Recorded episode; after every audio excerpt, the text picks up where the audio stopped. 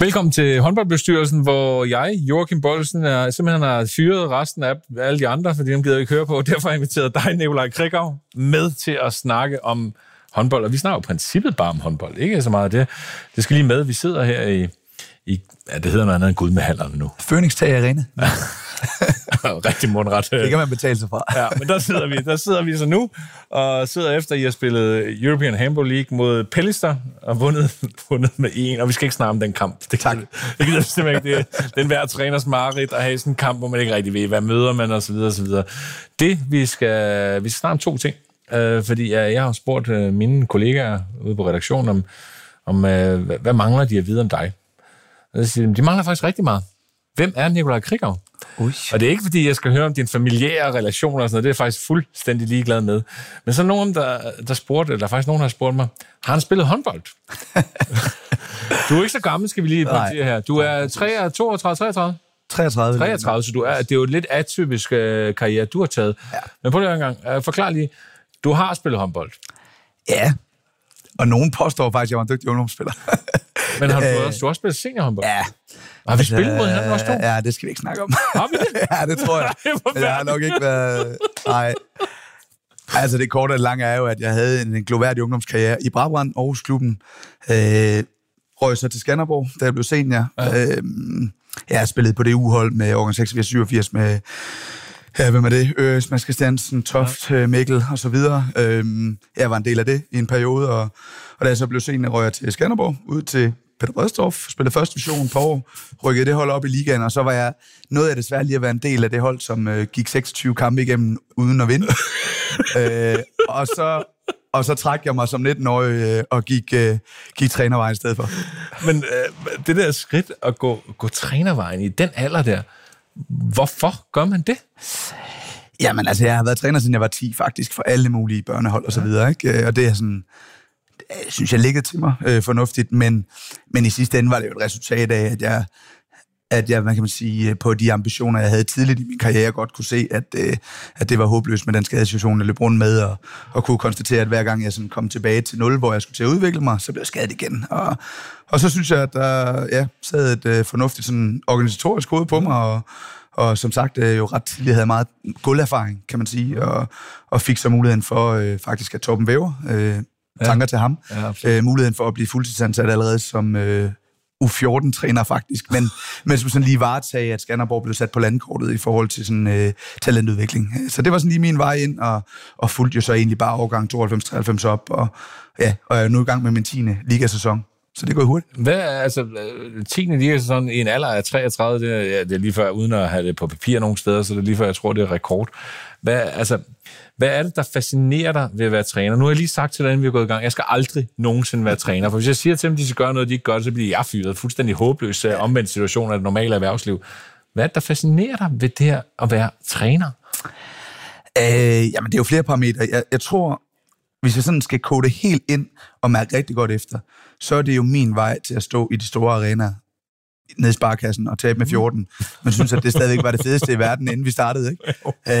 Øh, den ambition havde jeg jo tidligt med karriere som spiller, og nåede jo aldrig at komme i nærheden af noget af det, og, og man kan sige, øh, så ambitionen har jeg ret tidligt fået på det, jeg har fået smag for, at, at der er nogle ting, der lykkes øh, sådan på, på det niveau, og, og derfor jo bare har fået ambitioner og muligheden for at stå i, øh, på de væsentligt større scener, end jeg kunne som spiller. Så det er den ene del, og den anden del er jo, at jeg øh, sådan floskelagtigt jo er fascineret af spillet. Altså øh, er vildt øh, nysgerrig på, øh, og sådan forberede mig på modstandere, øh, sætte mig ind i øh, de forskellige mekanismer og optimere vores eget spil, og, og sådan driften af holdet på den måde. Så jeg er ikke, jeg er ikke sådan... Øh, ja, hvis man sådan Altså, jeg er ikke romantiker på den måde, at jeg, at jeg er drevet af, at jeg skal lede folk og sådan noget. Mm. Det er en del af jobbet, jeg kan godt lide det at prøve at optimere den enkelte, men, men jeg er i langt højere grad drevet af, af det faglige øh, og, af, og af de store kampe. Men på den gang, hvad, altså nu når du, du tager, altså jeg vil jo sige, at du går op ad rangstigen, så kan der altså, sikkert nogle fra Skanderborg, der kan mene det modsatte. Øh, det er jo en fantastisk klub, Skanderborg, lige så vel som er godt. Du kommer, lidt til, du kommer lidt fra en familieklub til en anden familieklub. Det, man kan godt sammenligne på mange parametre. Jeg ved ikke, om de er helt enige, men det mener jeg godt, man kan. Hvad, altså nu tager du skridtet her til GOG. Hvad er, den større, hvad er den største forskel fra at komme fra Skanderborg til GOG, som er en mastodont historisk set? Ja, præcis. Og det er jo dagligdagen, ikke? Mm. Fordi man kommer ind i... Jeg er faktisk enig med, at foreningerne ligner på mange, på mange måder hinanden. Øh, og, og det var også derfor, jeg ret tidligt i, i den proces, øh, hvor jeg går i dialog med Kasper, føler mig overbevist om, at det er et godt match. Ikke? Mm. At, at hvad skal man sige, springet på sådan den kulturelle del øh, var ikke enorm. Øh, men, men, men jeg gik jo omvendt fra en dagligdag, hvor jeg var studerende på kommunikation øh, fra 8 til 16 direkte i hallen og holdt møder fra 17 til 19, og så træne fra 19, 19 til 22, og så hjem og forberede mig på, på kampen øh, til klokken 3 om natten, og så op igen. Ikke? Så, så den helt store forskel er selvfølgelig, at jeg har fået forudsætningen og, og, og er fuldtid nu, og har et hold, med, med spiller på fuld tid. Øh, så det, det skaber alt den lige øh, bedre forudsætninger for, at de ambitioner, jeg har, og, de, og, de, og den dagligdag, vi gerne vil have omkring et professionelt hold, det har jeg her. Så det er den helt store forskel. Og så er det den anden selvfølgelig øh, store forskel, at, at her der spiller vi om at vinde, og det var jo ikke den mulighed, der var i Skanderborg, og det, det stimulerer selvfølgelig mere. Men kan du savne noget af det der, lad os kalde det, semiprofessionalisme? Overhovedet ikke. Det kan du, Nej, der, der er slet ikke noget. Nej, jamen prøv lige at høre. Vi, vi blev målt på de samme ting. Vi blev ikke målt, om, om vi skulle vinde guld, men du ved, man går stadigvæk sur hjem, når man taber, selvom vi møder ikke i København. Øh, så, så nej, på alle måder savner jeg overhovedet ikke den daglige. øh, ja, og, og man kan sige, det var noget andet, hvis jeg var gået fra Skanderborg til en forretning. Præcis. Så kan det være, at det havde været noget andet. Mm. Øh, men jeg har jo begge dele her. Mm. Øh, både, både muligheden for at spille med, hvor det er sjovt, øh, fuldtidsjobbet, men jo også miljøet. Øh, og derfor, ja, der har jeg som blommen i dæk. Nu ved jeg godt, du ikke men jeg bliver også lige holdt det lidt fast i Skanderborg, for det var jo sådan noget semi-professionelt noget. Har du nogle gange som træner stået og tænkt, at du har fået et, et afbud, som er fuldstændig hjernedødt? Det er løgn. Det er spilleren, han har sagt. ja, det har jeg helt sikkert. altså, Nej, vi skal ikke, vi skal ikke stikke nogen her, Joachim. Nej, jeg, jeg, altså, jeg men der, ikke nogen, jeg spørger, men der, er jo, der er jo bare spillere, ja. hvor du generelt tidligere i mit forløb ja. tænkte hver gang, de ringede og sagde et eller andet. Ja. Det tror jeg ikke på. altså, det, øh, og, og det er ikke ret mange, der har været af dem, fordi man skal huske, at Skanderborg var jo også et spil, en gruppe af spillere, øh, der ville fremad i verden, og derfor var super professionelle i forhold til, hvor dårlige rammer de i virkeligheden havde. Øh, og vi flyttede os også langt i den periode, jeg var der. Mm. Øh, fra, ja, al respekt til Henrik Slot og company, men vi rykkede jo trods alt fra en gruppe af spillere, som som ikke havde det som prioritet til en gruppe af unge spillere, som jeg selv havde, havde været med til at føre op, som, som levede som professionelle, selvom de havde øh, rammerne, øh, der ikke tilsvarede det. Så, så det, er, det er i det få, men jeg har da engang mellem tænkt, at det var nok ikke helt sandheden, men fred være med det. Jeg skal den første sige, jeg har også lovet mig skade, og ja, mig syg, og så videre, og så videre, så det, det var unge hatten, der blev Ej, rigtig og, og det skal respekt, altså, retfærdigvis siges, at rammen omkring holdet i Skanderborg er jo faktisk på på niveau med mange af de bedste klubber. Mm. Altså fysiske setup, øh, staberne og staben rundt og sådan noget, det, prøver det til UG. Mm. Så jeg tror egentlig, spillerne har haft gode forudsætninger på den del. De har bare haft travlt, fordi de har også skulle nå at tjene deres penge i alle mulige andre sammenhænge. Ikke? Så, så, øh, så der har der sikkert været en, en eller to gange mellem, som har stukket en, øh, en hvidløgn, og det har jeg sikkert også levet fint med. nu, nu er du så GOG, som er, det er jo den her, som jeg kalder det mastodont. Øh, der er et vist budget hernede. Der er forventninger Øh, du har fået lov til at hente to store danske stjerner hjem i Morten Olsen og Anders Zachariasen. Øh, og du er, du er ligesom, jeg ved godt, Kasper Jørgensen er direktør for det hele, men du er ligesom chef, daglig chef for det hele. Hvad er det mest vanskelige ved at have dit job hernede i GOG? Altså, hvad, hvad, hvad, hvad, hvor er det, du synes, det er mest vanskeligt? Selvfølgelig, du bliver målt på resultatet, men det gør du sgu ja. lige, hvor du er henne. Og det, og det er jo det, jeg synes er fedt. Ja. Øh, og det, jeg søgte, da jeg kom ja. til. Ikke? Øhm, jamen, hvad er det, det vanskeligste er jo, at vi at vi, øh, at vi har en ret tydelig strategi, mm. og det har været nemt i lang tid, fordi jeg har været mega privilegeret, at der kommer dygtige folk op mm. nedefra hele tiden. Mm. Øh, men vi er jo hver eneste dag i gang med at prøve at forberede os til den dag, vi ikke lige får to op om året. Mm. For det kan vi ikke forvente. Og det vil sige, at vi skal virkelig ramme nogle loops, hvor man kan sige, det år vi så ikke får to unge op, der kan gå direkte ind og levere, mm. jamen der skal vi have budgetteret med, at der skal nogle spillere koste lidt ekstra af vores egen. Det vil sige, hvis vi skal holde dem et-to år mere, inden vi skal skyde dem afsted sydpå, så koster det mere i en periode, fordi vi skal købe os noget tid til, at vi skal ned og starte forfra igen. Og, og den der sådan, øh, forberedelse på den dag, det er selvfølgelig Kaspers største udfordring, at finde penge nok hele tiden til, at vi også en gang imellem lige kan beholde dem lidt længere. Og, og det, bare lige for at, at, at lave sløjfen, det sværeste er jo, at hver gang, at vi føler, at vi har et hold, der er på top, mm. så skifter vi to-tre stykker ud fra toppen, og skal have nogle nye ind. Nu har vi så ramt en sæson, hvor vi har fået nogen ind i toppen også, mm. og det gør det helt klart nemmere, men, men det er jo stadigvæk billedet af, at vi til hver eneste sæson skifter 5, 7, 8 mand ud, og derfor er kontinuitet en by i Rusland. Mm. Kulturen er ikke en... Øh, altså, den, den har god kontinuitet, synes jeg, men, fordi den, den sidder i væggene og så videre, men, men, men det er selvfølgelig klart, at vi hver eneste år skal lave et nyt spilkoncept. Det, det er en opgave, øh, som, som er lykkes godt i år. Måske også heldigt, men, men vi synes, vi har fået det sat godt sammen. Men, men det, er, det er klart, jeg vil da ønske nogle gange, at jeg havde det samme hold to år i træk. Men hvordan er det ikke ensomt at være træner engang, Altså, du har jo, jo. Du har jo ligesom dig selv. Ja. Selvfølgelig kan du, du ser jo spillerne, men du er jo træneren. Lige hvordan du vender og drejer, så er det ultimativt dig, der er chefen. Så kan man synes om det eller lade være, men, øh, men det er du. Er det, er det ikke ensomt nogle gange at være træner? Jo. Du har jo ikke den der kollega, altså, som du har på min arbejdsplads. Jeg har masser af kollegaer, mm. det tror jeg, de fleste ikke skriver på. Det har du ikke på samme måde. Så har du Kasper Jørgensen, men det er jo din chef. Mm. Altså, er det ikke ensomt en gang med? Jo, det kan det godt være. Øhm, jeg, I første omgang, jeg, jeg trives egentlig med og bare være mig selv. Altså, jeg er sgu ikke så social, vel? altså, og man kan sige, jeg er jo heller ikke typen, der sidder, og jeg kunne bare hænge i omklædningsrummet øh, en halv time efter og drikke den øl med drengene. Det, det gør jeg ikke ret ofte. Det gør jeg en gang, men jeg synes, det giver mening, og tager lidt kampe, så kan det være fint nok at lige at, at stikke en finger i jorden på humøret. Men grundlæggende, så trives jeg mega godt med det der sådan ret strukturerede øh, kamp, forberedelse, hjem, se video, lægge børnene i seng, video igen. Øh, det der liv og forberedelse til næste kamp, det trives jeg ret godt med. Øh, og derfor, hvad skal man sige, er jeg ikke så afhængig af det selskab.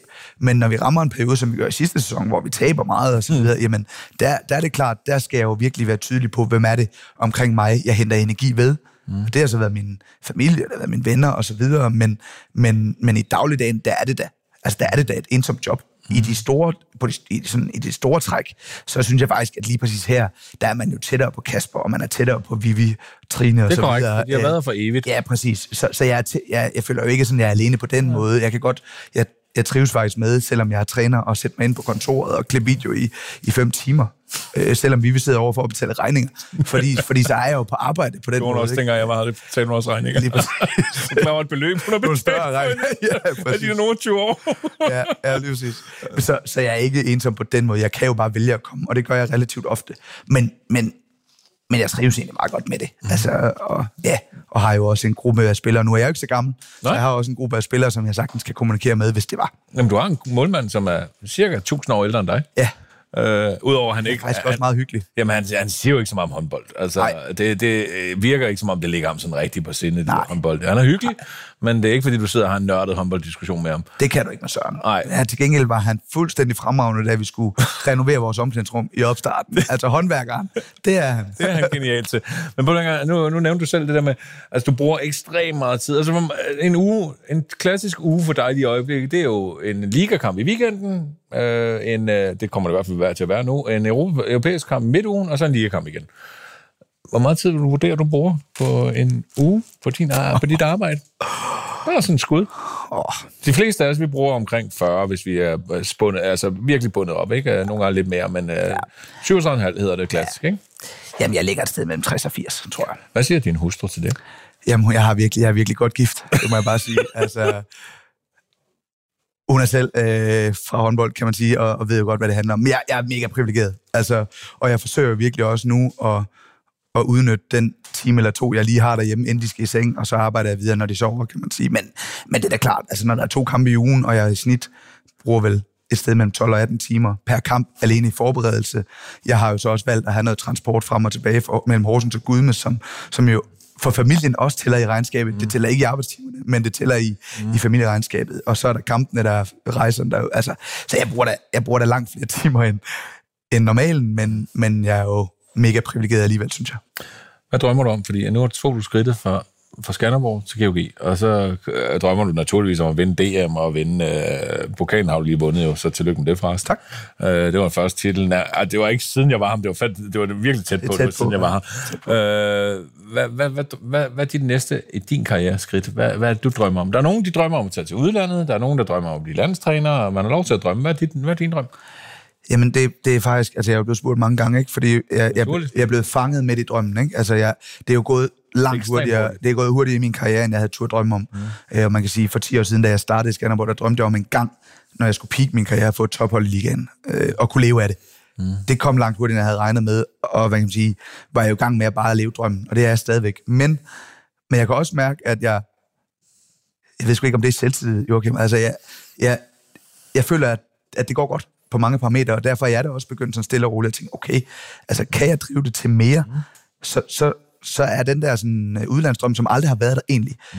Den er begyndt at rumme lidt i maven. Altså, øh, jeg kunne aldrig drømme om Spanien eller Frank. Jeg sagde nok, sagde nok ikke nej, hvis Barcelona ringede, men, men du ved... men det er den eneste, men, det eneste men, hold, der er. Men Bundesligaen er, er begyndt at komme i maven på mig. Det er den. Og det er igen tilbage til at starte med at sige, drømmen om de store arenaer. Øh, så, så ja, det er sgu begyndt at, at ulme lidt i maven. Men vil også drømme om det her med, nu snakker du selv om kontinuitet, hvis du kommer til det rigtige hold dernede, så vælger du jo, mm. hvilke spillere du skal have, hvor lang tid du reelt skal have dem. Altså, ja. Det er jo ikke, fordi Kiel står og tænker, åh oh, nej, ham kan vi holde ham så også lang tid. De vælger jo nærmest, hvor lang tid de vil have dem. De har lige købt Sargosen lige for at sige, vi supplerer lige lidt op på vores hold. Ikke? Spiller. Ganske fint spiller, ikke? øh, men altså, det, det vil jeg sige, altså den her drøm om at have noget kontinuerligt, hvor man kan sige, okay, forholdene, altså mine arbejdsredskaber, de er til stede 100% hele tiden. Hmm. Det må da også være noget, som, som gør, okay, det er der, hvor jeg aller, kan bevise mig på allerøverste hylde, for der har jeg altid råd. Er det ikke sådan der?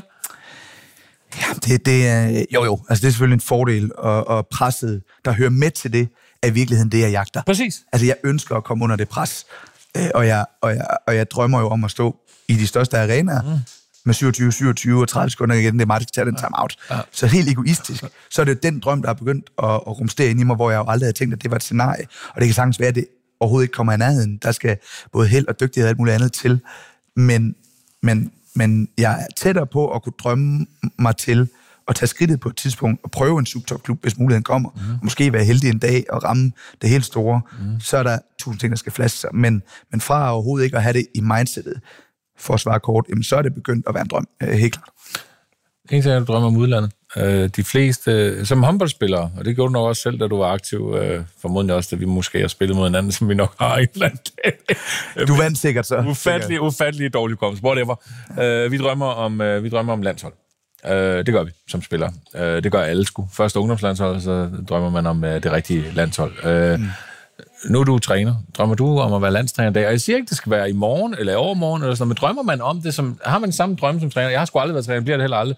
Drømmer man også om, at det er det ultimative job? Eller er det faktisk det her? For det landstrænerjob er jo mærkeligt. Ja, som spiller tænker du ikke så meget over det, fordi der er det bare, når du har pause for klubben, så er du med landshold.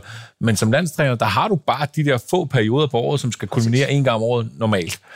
Og det er jo derfor, at hvis man helt selv kunne skrive drejebogen, så er det jo, så er det jo dagligdagen nede i Flens Arena, der er drøm. Præcis. Men hvis man kigger på det, der foregik i boksen i januar mm. i 19, mm. så, kan, så drømmer alle jo også om det. Altså, der vil alle, der ønsker at stå. Ja, ja. Så, så, øh, så det, er, det er ikke det er bestemt ikke dagligdagen som landstræner, jeg drømmer om. Det, det, er, det er igen, det er arenaen, mm. det er boksen, det er, øh, det er det at kunne repræsentere Danmark, vil selvfølgelig, det drømmer alle om. Mm. Altså, sådan er det. Men for mig, der er det jo, der er det, der er det den der Flens Arena, altså på et eller andet tidspunkt.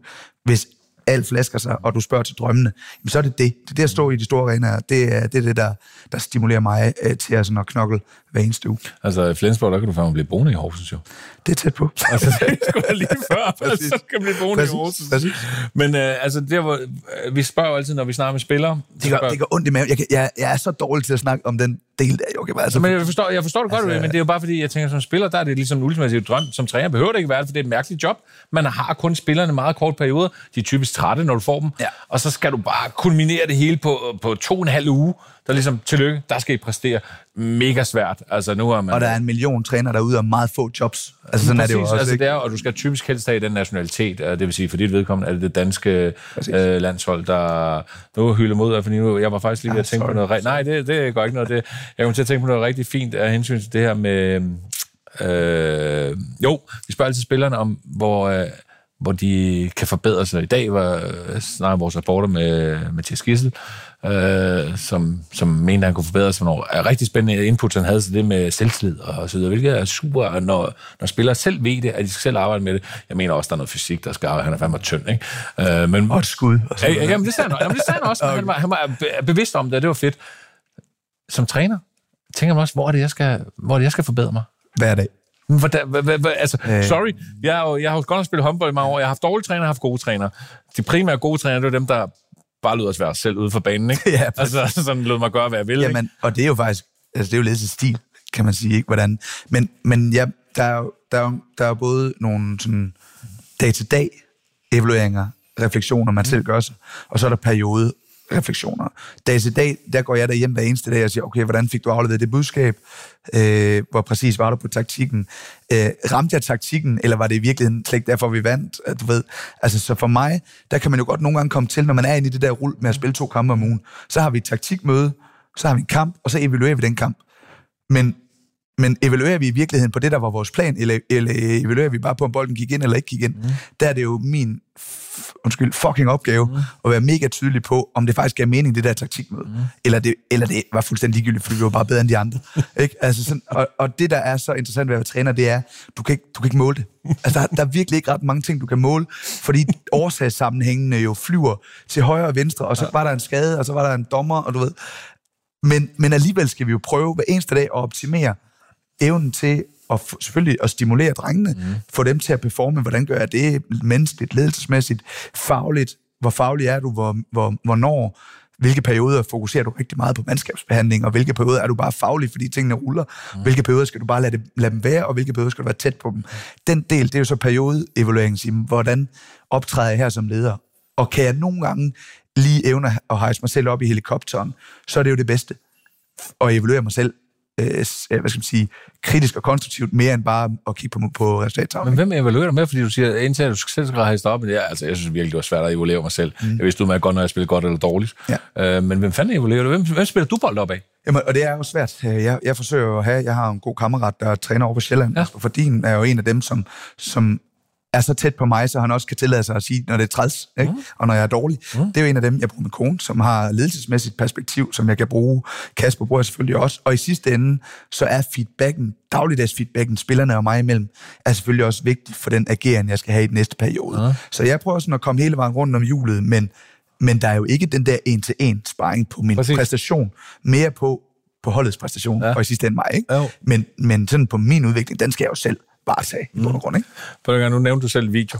Øhm, det, er jo, det er jo altid springende punkt, det der video, ikke? Spillerens øh, favorit. Oj, oj, oj, oj, oj.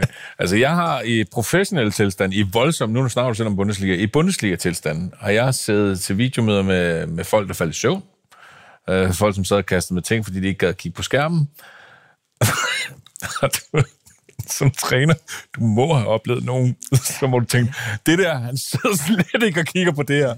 Og han lytter ikke rigtigt. Nej, ja, ja. Og, jeg, og jeg har for længst lært at leve med, det er vildt forskelligt. Jeg er jo, altså prøv at det er jo bare at kigge rundt og sige, hvem sidder, hvem sidder hvor i lokalet, ja, så er der styr på, hvem man ligesom skal snakke klasse, jo. Det er ligesom, en, når du går i skole. Fuldstændig. Hvem sidder på første række? Det er alle dem, der har brug for at være godt forberedt. Og så er der en enkelt, der sidder dernede, som lytter til, hvad jeg siger. Gissel for eksempel sidder på bagerste række. Ja. Han hører, hvad jeg siger, men har ikke brug for et stort load af information. Ja, ja. Og så troede jeg jo i sidste uge, at Simon Pytlik, han hørte alt, hvad jeg sagde. Men da jeg sådan lige skulle faktatjekke det, vi havde snakket om i en halv time og spurgte ham, så har jeg overhovedet ikke fattet, hvad det var, vi snakkede om. Og du ved, så bliver man alligevel sådan lidt, okay, hvor meget mening giver det egentlig, det der taktikmøde? Og jeg, og vi, jeg tror jo, alle trænere tænker, skulle vi i virkeligheden bare holde taktikmødet for de fem, der skulle stå inde i den fire blok? Mm og, og gøre forskellen på det, og så kunne vi holde et angrebstaktik med, med playmaker, der baksende bagefter. Men, men det er jo sådan en kulturelt ting, at, at vi gør det, som vi plejer. Det er alle trygge ved. Og jeg, jeg tror stadigvæk, jeg kommer frem til den overbevisning, at, at der er alligevel en bundlinje, og alle får et eller andet med.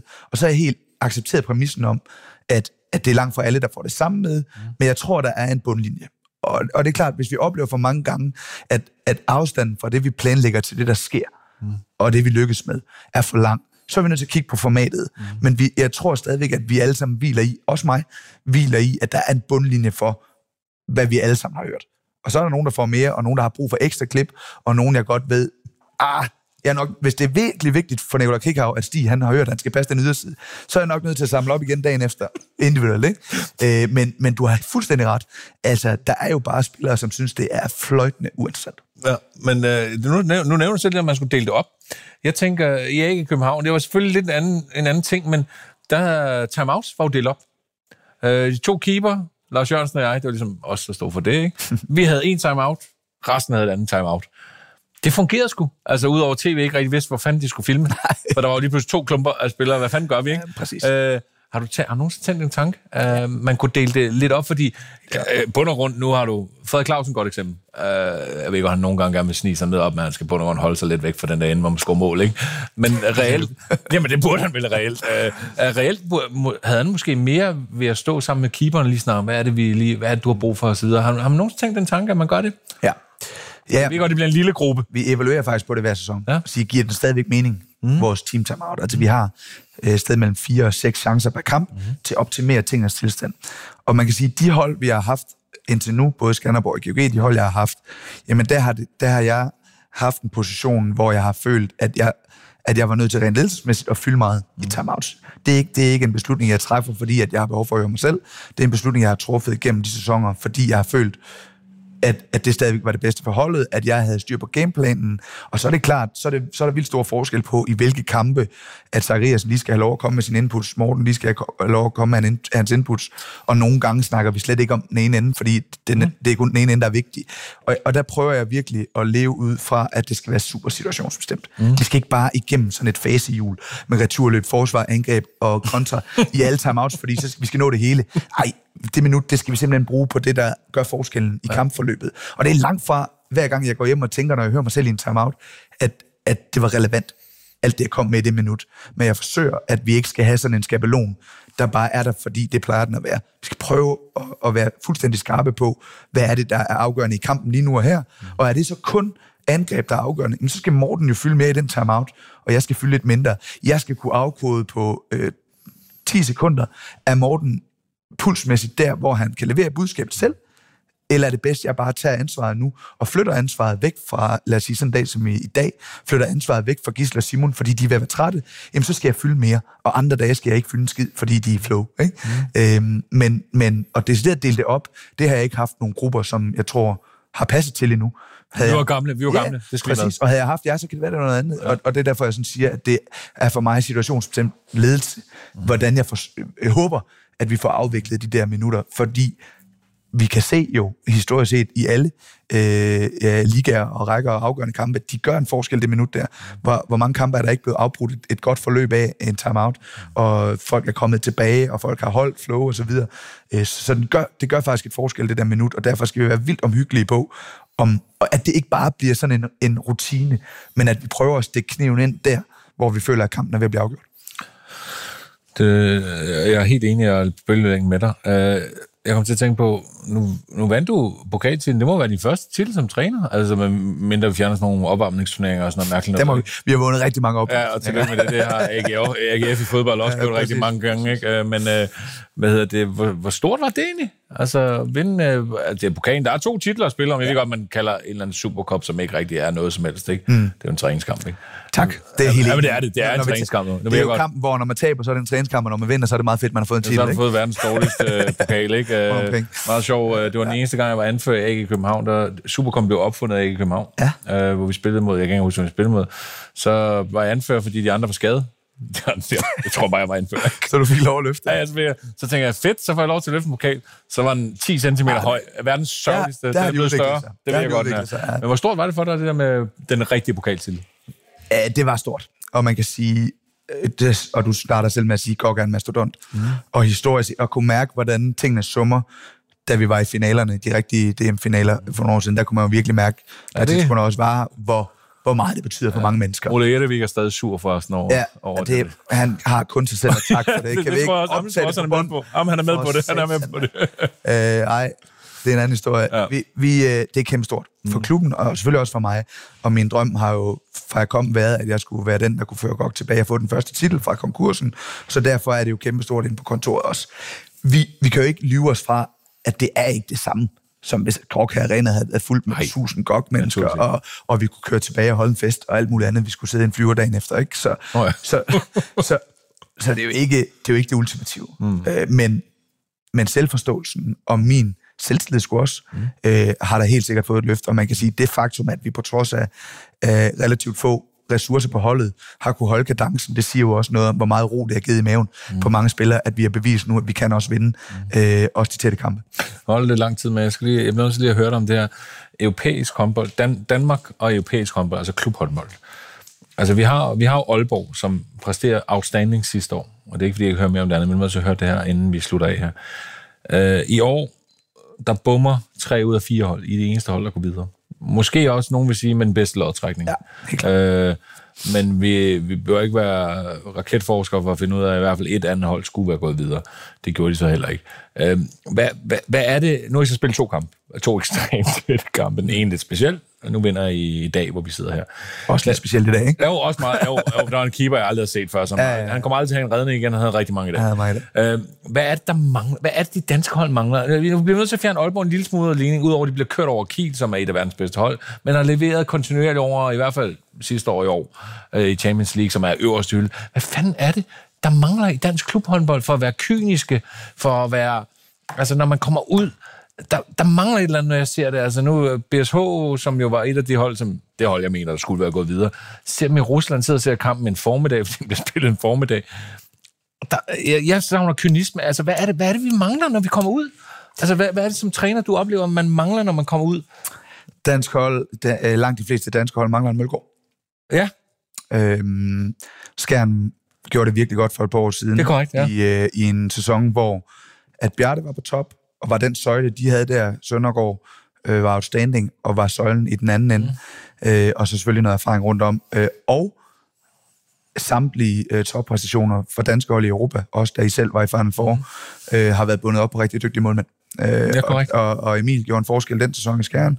Øh, Akkerfors Sæber stod virkelig flot øh, i det af sidste sæson, og jo, skal man huske, øh, i et nyt specielt Champions League-format i, i forhold til dengang øh, AG var med, øh, de der store puljer, mm. som der er nogle mærkelige udfald i en gang imellem, og man kan sige, øh, prioriteringerne er en del af ligningen osv., men i korte træk, så hvis jeg kigger tilbage på de tre sæsoner, jeg har været her, hvor vi har spillet Europa Cup den ene, og Champions League den anden, og nu er jeg i gang med Europa den tredje, der har vi manglet en søjle.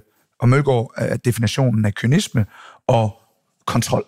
Mm. Og den kontrol og kampafvikling, som som var, har været en del af ligningen for Aalborg sidste sæson, også da de blev dansmester i øvrigt, og som var det for skærn, fordi det blev selvforstærkende, og Bjarte kunne kontrollere spændingsniveauet osv., og, og erfaring, og de ekstraordinære målmandspræstationer. Mm. Det, er, det er forudsætning for, at danskere kan langt. Fordi talentet er der, teknikken er der, øh, den taktiske øh, forståelse mangler ikke mm. i forhold til de hold, vi møder, mm. men, men erfaring i forhold til at møde for eksempel i dag, altså vi møder et jammer. På mange måder er det et jammer Eurofarm-hold, men umuligt at spille mod mm. for folk, der ikke har gjort det ret mange gange. Mm. Altså vi, der, der mangler jo virkelig bare, altså danske talenter skal ud og stå i det. De skal mm. simpelthen have det på kroppen mange gange. Og når vi spiller en Champions League-kampagne sidste år, så spiller vi et, med et hold fuld af folk, som ikke har prøvet det. Mm. Øh, og når vi så kommer ned til Bukarest, og du bliver slået ihjel. Du ja, bliver slået ihjel. Det, det, det er den ene del. Men, men, men det der sådan simple spil omkring bare kæmpe stregspillere, mm. det har jo taget os vildt lang tid at lære at håndtere. Vi har ikke lært det endnu, tydeligvis Nej, i dag. Nej, dag øh, og, der, og der har Mølgaard stået der. Mm. Også i Paris øh, og på landsholdet og så videre. Og derfor håber vi jo, at vi med Morten og Anders kommer et halvt skridt tættere på at kunne det der. Mm. Og også kunne konkurrere i Europa. Vi mm. synes, når vi har øh, fuldt hold, og vi kigger på, at vi også jo får en skytte med på et tidspunkt i Lærke. Ja. Vi får Stig tilbage på topniveau, vi får kontrollen fra Morten, og vi er i gang med at udvikle en målmand, der, der kommer til at være øh, topklasse på et tidspunkt. Så har vi nogle af de tegninger, der skal til for også at gøre det godt i Europa, øh, på lige fod med Skjern og med Aalborg. Øh, fordi vi jo kunne se, at vi kan konkurrere med dem herhjemme. Mm. Men jeg tror, at den korte forklaring er, at de hold, der er lykkedes, de har haft en søjle på holdet. Mm. I havde mange. Øh, men de tre hold, der er lykkedes sådan over de sidste år, har også haft toppræstationer inde på mål, og det, det er bare afgørende. Det med på mål, det kan jeg være helt enig i, for sådan vil det altid være. Til mesterskab, det Og det er en nem forklaring. Ikke? Jamen, den er nem, og det, ja. hver gang du spørger inden en kamp, hvad er det bliver vigtigt? Keeperne. De bliver Præcis. altid vigtige. De hænger sammen i forsvar. Men det, det hvor jeg ser... jeg tror, ikke, jeg tror ikke, at Janus og Ellebæk var lykkes i Champions League med at slå Flensborg, hvis ikke Mølgaard havde været der. Præcis. Øh, og, og, den kontrol, han har kunne bidrage med i Aalborg, har gjort en forskel, af min oplevelse. Jamen præcis, men jeg, jeg savner også lidt, nu, ser, nu tænker jeg mest ikke så meget på jeres, det var noget mærkeligt råd mod de der Eurofarm, som man aldrig har set før. Jeg kendte jo heller ikke halvdelen af spillerne. Men nu ser jeg Aalborg spille mod Kiel, og ja, Kiel er øh, muligvis en af favoritterne til ja, ja. Champions League. Men der, hvor jeg ser, der er noget, der er noget fysik, ja. øh, som... Øh, og tro mig, jeg er ret sikker på, hvis jeg tager dine spillere, inklusive Morten Olsen, som er ufattelig stærk, mm. at tager dem ind i styrkelokale, løfter de i hvert fald lige så meget. Ja, muligvis mere, end de her. Men der er bare noget fysik, mm. på en eller anden måde, som danske hold har svært ved at hamle op med. Det er faktisk sjovt, ikke? Fordi det fik vi første gang rigtig syn for, da vi spillede i Kiel i, for, øh, i forrige sæson. Ja. EUF kom en, en periode, hvor Kiel havde det lille smule svært, men virkelig strammet til i den periode der, og vi, altså, vi blev bare kørt over. Men der fik vi præcis billedet af noget så simpelt som kryds. Ja. Altså Clausen, som er stor og stærk og kan afvise alle i den danske liga, jamen han, han blev jo mast på kryds af Dunjak, øh, Sarbæk også, og så videre, fordi at den tyngde, de spillere er vant til at komme ind i situationerne med, er større. Og når vi så spiller ned i Schaffhausen, og kan konstatere, at det er jo ikke, det er jo ikke bænkpres, Clausen taber på Nej. Lukas Martos. Nej. En ordinær, synes vi, på mange parametre, mm. vensterbak for kadetten men som jo har flere kampe, hvor han kommer ned med flere kilo. Og det, det har vi ikke i den danske liga. Vi er dygtige taktikere, mm. vi er dygtige til at komme rundt om øh, og stå i de rigtige områder osv., men når vi kommer til at skal tage imod de tunge kryds, mm. vi skal rundt om de store stregspillere, der er spillet mere atypisk i Danmark. Der, vi spiller langt mere teknisk og taktisk. Mm. Øh, vi, spiller ikke, vi spiller ikke bare rundt om en, en 130 kilo stregspiller. Mm. Og, og, og der, vi mangler simpelthen at og hvad skal man sige, bruge de kilo, vi trods alt har, mm. øh, på et bedre niveau, og, og, og jeg tror jo, det ligger i erfaring. Mm. Fordi Mølgaard kan jo ikke løfte 40 kilo Det kan i ikke, bænkpres, ja. Nej, det kan men han har lært at håndtere mm. øh, de der spillere på, på hans måde, mm. fordi han har stået der, øh, og vi har ikke stået der nok. Anders kan bidrage med noget, jeg synes, vi så i Schaffhausen, at han er i gang med at vise, hvad der skal til, ja. for at komme rundt om de store folk. Ikke? Og der, der skal alle vores unge spillere jo simpelthen, og trænerne også, jo bare have det ind på kroppen. Men så kommer jeg til at tænke på en anden måde, fordi øh, da jeg kom til Barcelona, der var det, det var en helt anden verden. Mm. Fordi øh, det var mand, mand, altså streg, øh, bagspiller mod to andre. Det var sådan, vi trænede. Stort set ikke hele tiden, men stort set. Altså mand, man stor stregspiller derinde, spansk, klassisk spansk stregspiller, fylder helvedes det, ikke? Mm. Og så videre, og så videre. Og det fungerer jo for dem. Og det er jo måden, øh, principielt det spanske landshold stadig spiller. Øh, nu blev de europamester for anden gang i træk. Øh, de spiller jo reelt stadig sådan der. Øh, de tyske, nej, de spiller ikke på samme måde, men i Bundesligaen, lidt, det er anderledes end spansk håndbold, fordi det er, mere, det er mere flydende, men de store er stærke på samme måde. Hvad kan vi gøre? Altså, vi, vi, kan ikke, vi kan ikke opfinde større danske spillere. Altså, vi har jo unægteligt nogle, nogle af de største mennesker, de spiller håndbold. håndbold. Hvad fanden kan vi gøre? For det eneste siger, du skal ned og prøve det, men det når vi jo ikke, fordi når de bliver for gode her, så ryger de afsted, og så kommer de tilbage kommer de tilbage på et tidspunkt og får ja, Ja, erfaring. altså- men, men vi synes jo faktisk, at hvis vi kigger på den sæson, indtil Morten blev skadet, Ja. ja. at vi er tættere på at kunne det der, end vi nogensinde har været. Ja. Altså Morten har fået Oscar Bergendal til at ligne verdens bedste Ja, stregspiller det er faktisk ja. i de første par måneder. Og Zachariasen, som er ja, fantastisk. Præcis. Ja. Men lige præcis på 2 2 spillet er Oscar faktisk bedre end Anders. Ja, det er, i det er, men det er, fordi han har det mere den, der, den størrelse, som vi snakker om. lav Ja. tyngdepunkt og så videre, og i dansk kontekst jo en stor, stærk stregspiller, selvom han er lav, ikke? Øh, og, og Morten siger det, hvad der han kommer. Der er ingen i Danmark, der kan spille 2 mod 2. Han har været nede i Ortega og- Romeo i en periode nu, Præcis. og har fået erfaring på den måde der. Og det viser jo alt om, at hvis man er til det, så skal man have folk ned og prøve det. Eller også så skal vi jo gøre, som Nikolaj siger, lad være med at kylde de store, tunge stregspillere, vi har, ud af systemet, fordi de ikke kan løbe kontra. Præcis. Og så, så det er jo også en kulturel ting og en tradition, at vi i Danmark, der skal vi alle sammen kunne løbe hurtigt frem og tilbage. Det vil sige, de store, tunge stregspillere, de bliver jo ekskluderet, inden vi når at ramme seniorverden. Men helt ærligt, du, kommer, du er en klub, hvor du er chef for et, en klub med DNA om kontra. Mm. Det kan jeg huske i hvert fald. Jeg tror ikke, det har ændret sig skide meget. Man løber til stort set alt, hvad man laver. Øh, vil der være plads til sådan en stor... Nu nævner Oscar Bergendal, men han er ikke en stor stregspiller i mit univers. Nej, nej. Her der snakker vi en koloss på to meter et eller andet og veje 120 kilo. Eller sådan. Som skal løbe ind vil der. Vil der være plads til sådan en? I Ikke, ikke, ikke lige nu. Nej. Altså, det er helt straight. Altså, og man kan sige, vi snakker om det. Sige, hvordan kan vi gøre det? Og man kan sige, at regelsættet i ungdomshåndbolden er jo, at du ikke måske forsvar angreb. Og- hvis du, hvis du også gerne vil udvikle dygtige kollektive spillere, og det, det synes jeg, vi skal blive ved med i Danmark, fordi det, har vi, det er vi dygtige til. Vi er dygtige end de andre nationer til, og kan også vinde en gang imellem, selvom vi har færre spillere osv. Øh, og, og, vi, og jeg synes også, vi skal blive ved med at løbe kontra i Danmark, fordi vi har teknikken til det. Men hvis vi også skal udvikle de andre, så er vi simpelthen nødt til at kigge på vores regelsæt og sige, skal der så ikke være plads til ham, den tykke, over for 5. B? Præcis. Altså, og, og, det er der ikke lige nu mm. i, øh, i, hvad skal man sige, i eliteakademierne mm. øh, og vores system, Skanderborg og så videre, jamen der er det de spillere, der kan løbe hurtigt frem og tilbage, fordi det er det, man gør i Danmark. Du skal øh, være med i begge ender, for du må ikke skifte forsvar angreb i ungdomshåndbold. Og det, og det har nogen fordel, fordi vi er en lang periode bare gerne vil have tovejsspillere, mm. øh, men, men det er jo bare ikke rigtigt det, der foregår på topniveau. Men er det ikke urealistisk de alligevel at tro, to mand ja, ind, ikke? er det ikke urealistisk at tro, at det ændrer sig? Jo, altså. men, det er, men det er jo knivskarp balance mellem at sige, hvor meget skal vi kigge ud og vil være som de andre, kontra egentlig bare at dyrke det endnu mere, det vi selv gør. Ja. Fordi for det har ikke været nok i Champions League-sammenhæng, Nej. eller europæisk sammenhæng, men det har været nok i landsholdssammenhæng. Jamen, der er, det, det er jo spillere, der er ude jo. Ja. En rigtig stor øh, stamme er jo Ja, spillere, der er i men det er ikke danske stregspillere, der kan det der. Nej, det er korrekt. Så vi, så vi lever af noget andet. Ja. Vi lever af, at Mikkel har en god teknik, og at Lauke er dygtig på duellerne, og at vi har kunne spille kollektivt og have verdens bedste målmand. Ja, det hjælper meget Ikke? på det, ja. det hjælper meget på det hele. Ja, Men vi har, vi har trods alt vundet nogle titler til Danmark mm. på den måde. Mm. Så, så det er jo, der var en lang periode, hvor, du ved, under Ole Nørgaards utid, hvor at vi kiggede så meget til Frankrig, og altså nu skulle alle bare spille en mod en. Altså, altså, Ja, det er så også helt vanvittigt. vi, prøver, vi bliver aldrig narcisser alligevel. Lauke er det tætteste bud, der kommer. vi har ikke den fysik, Nej. øh, kvæg, de har nogle, Nej. de har, har nogle spillere, som vi vi i ikke hvert har. fald gøre det virkelig mange gange, for de er meget små. Og, der, og for- derfor siger jeg bare, at det er jo en, det er jo en kompleks diskussion, fordi ja. hvis du vil mere af noget, så siger mm. du også nej til noget af det, vi har i forvejen. Mm. Så skal du gå all in på det, vi kan i Danmark, mm. eller skal du holde fast i kulturen, mm. men i små grad, eller lille grad, måske alligevel prøve en gang med at sige, skulle der ikke være plads til tykke pærer over for femte ben? Ja, ja. En gang imellem. Kan vi ikke lige prøve? Mm. Og det synes jeg, Nicolaj fint har været ude at belyse øh, fra toppen af, at der også i EU-sammenhæng skal være plads til dem en gang imellem. Øh, men, men der er ikke ret mange af dem, fordi de bliver ekskluderet, inden de kommer i gang. Gang, det er en ting af fysikken, noget andet jeg savner, jeg ved godt, det er blevet langt det her, men jeg bliver at lige, Det er synes, det er interessant. Øhm, jeg savner jo, en af de ting, som jeg mærkede tydeligst, da jeg kom til Tyskland, og jeg for den sags skyld også i Spanien, kynismen. Mm. Kynismen i, okay, det kører ikke, drenge, vi er bagud, så er der en, der går ud og hakker en modstander ned. Ja. Altså, og for to minutter, det, det er svært at få rødt kort i håndbold, det må vi ærligt erkende. Det er i hvert fald international håndbold. Heldigvis, det er meget, meget vanskeligt, og så skal du virkelig være psykopat, ikke? Øh, men altså, hvor man bare siger, okay, så går jeg ud og hammer ham ned for at hive resten af, af drengene med op. Og nogle gange kommer man, øh, man kommer, I har prøvet det selv, I kommer til Bukarest, og bliver bare slået ihjel. Præcis. Og det gør de. Savner vi ikke den kynisme som dansker, at vi har det der med, det går ondt at komme her en defensiv snakker jeg primært. Uh, altså, der var, der var vel til dels ikke i København, da René Toft også var der, det tror jeg ikke, det var så sjovt at komme derind. Det var bare hans topniveau, ikke? Ja, ja, der tror jeg, det går ondt at løbe ind til ham og Lars, og jeg stod også derinde og så videre. Det tror jeg ikke var skide sjovt at løbe derind. Men ellers så savner vi vel at have den her kynisme af, at det, altså, det, skal være, det skal være på grænsen til svinsk, når vi spiller på de her udebaner især. Savner vi ikke lidt det? Uh, altså, uh, hvordan, hvordan, hvordan får man en dansker, altså, der spiller i en dansk klub? Jeg er ikke, dem i udlandet, der giver det lidt sig selv, for der får man det ind. Mm. Hvordan, hvordan gør man det? Jamen, men, men det er jo det der, når lige nu er det billedet, at vi skal hente dem tilbage.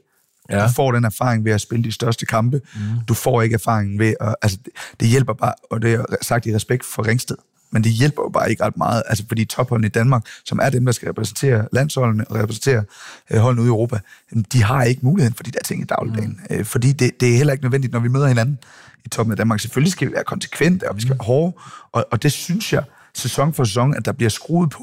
Problemet er bare, at hver gang vi kommer til at skal toppe det, og nå derop, hvor vi rent faktisk skal gøre en forskel på det, mm. der sender vi dem afsted. Mm. Så de er ikke i Danmark.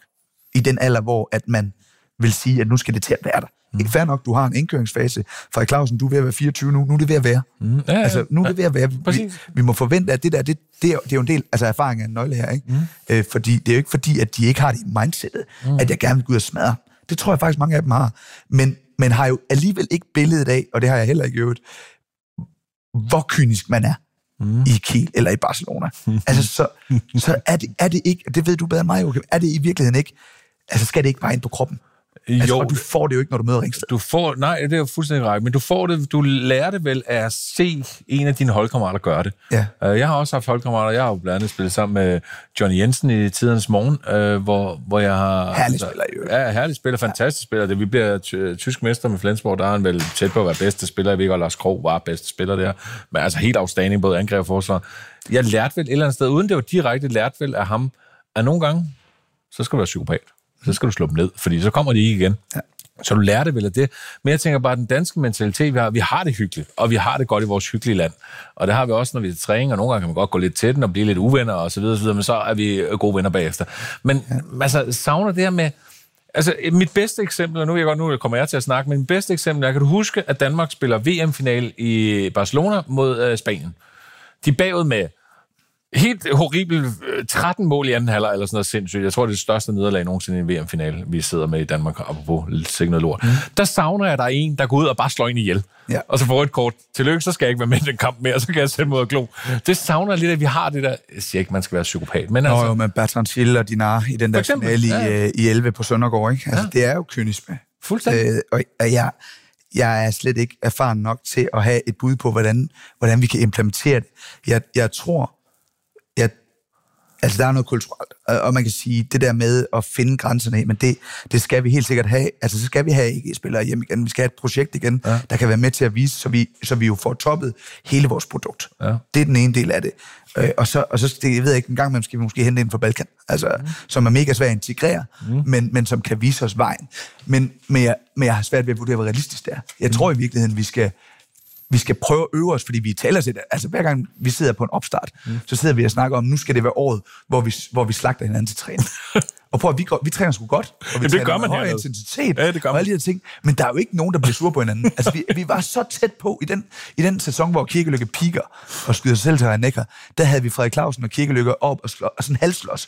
Bedste kammerater en gang. Og vi stod jo alle sammen op og jublede over, at vi var kommet dertil. Men det er så svært, fordi at det jo er søde og rare, det er gode drenge, og de skal kraft, de får at vide, de skal også passe deres skole. Og de skal, altså, altså prøv at høre, hvorfor har vi ikke nogle gange bare nogen, der vil gå all in på at blive et dumt svin? Det har vi ikke, for de får at vide i alt, hvad de nærmer sig, at de så også husker at læse jura. Ja, men Altså, det gør de. Hvor jeg tror sgu ikke, de kan med, han har fået at vide, at han skal læse jura. Nej. Det tror jeg sgu ikke. Jeg tror, det For Bagas godt, det er har nok heller ikke fået det at vide. Altså, og, det, og det, jeg siger ikke, det er forkert. Jeg siger bare, så længe at vi er sådan øh, samfundsmæssigt indrettet, at vi skal have det hele menneske, hvis, så tror jeg, at, at det der sådan mindset, det har vi slet ikke, for jeg slår sig ikke for mit, jeg slår sig ikke for mit liv. Mm. Jeg slår sig for min håndboldudvikling. Mm. Og det er bare noget andet, tror jeg. Mm. Så jeg tror ikke, at det er realistisk, at vi sådan over kort tid i hvert fald får det implementeret.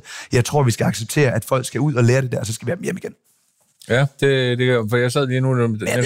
Jamen, jeg sad, mens du snakkede, og tænkte tilbage på, hvad er det sidste øh, dumme svin, og det skal ikke misforstås der, for det er positivt forstand. Hvad er det sidste dumme svin, jeg kan huske? René Toft er der stadig. Mm. Han kan være et dumt svin. Ellers er jeg Det er bare, det, han er blevet for langsom nu. Ja, nu, nu, Så nu, nu er nu, nu, dur det ikke mere. Jamen, nu dur. Han er blevet alt for langsom nu. Jeg har også set, jeg så ham jo også i Moskva, ja, ikke? Øh, blandt andet. Øh, Så skal vi tilbage til Lars Jørgensen, Lars Krog. Øh, Vi er vel helt der tilbage, før vi finder de sidste sådan rigtig internationale det går ondt at gå og løbe ind i de her. Altså, det er, det er, det er vel sådan noget, vi er helt tilbage i, og det er, det er altså efterhånden lang tid siden det her. Ja. Øh, vi snakker om, øh, og det, her tager vi altså Ja, Lars Jørgensen på toppen, ikke? Ja, man kan sige, at Knudsen jo i sidste del af hans karriere var bedre offensivt, ikke? Jo, og, men, jo, også et utroligt dumt svin. Han så bare sød ud. Ja, og det gjorde Lars Jørgensen vel egentlig også. Ja, ja, ja. Krog var lidt dårligere til at skjule det. det kan jeg love dig for. Altså, han har jo røget i diverse sorte bøger. Han har jo præsteret, vi spillede mod en fra Vetslar, jeg kan huske, en hviderusser eller sådan noget, som han, øh, efter vi mødte dem i første halvdel af sæsonen, hvor han lavede sådan en rimelig, han slog ofte folk i maven, men hvor dommeren ikke så det. Så, så, Holm, så et halvt år efter mødte vi dem på hjemmebane, så kommer Lars Krog sådan et svæv ind over midten, hvor ham der bare går ud og slår ham i hovedet. Og det er bare vigtigt for vores storytelling, Ja. Bolsen, at ja, jeg tænker faktisk ikke, Lars Krog havde det i sit mindset, da han spillede i Hillerød. Eller i- nej, nej, i Nordsjælland. Ja, nej, det er Avedøre startede han i. Ja, altså, præcis. Nej, Jo, så ved, det kan selvfølgelig godt være, at der er noget er der der. nogle gode historier derfra? men, men, Men jeg mener bare, I har jo også skulle og lære det. Ja, ja, præcis. øh, så, Men jeg prøver- jeg prøver at finde men den vi der kunne da godt genvej. tænke os, at vi ikke... Altså, vi skal jo, vi skal jo kunne komme tættere på. Ja. Det kan vi da hurtigt blive enige om.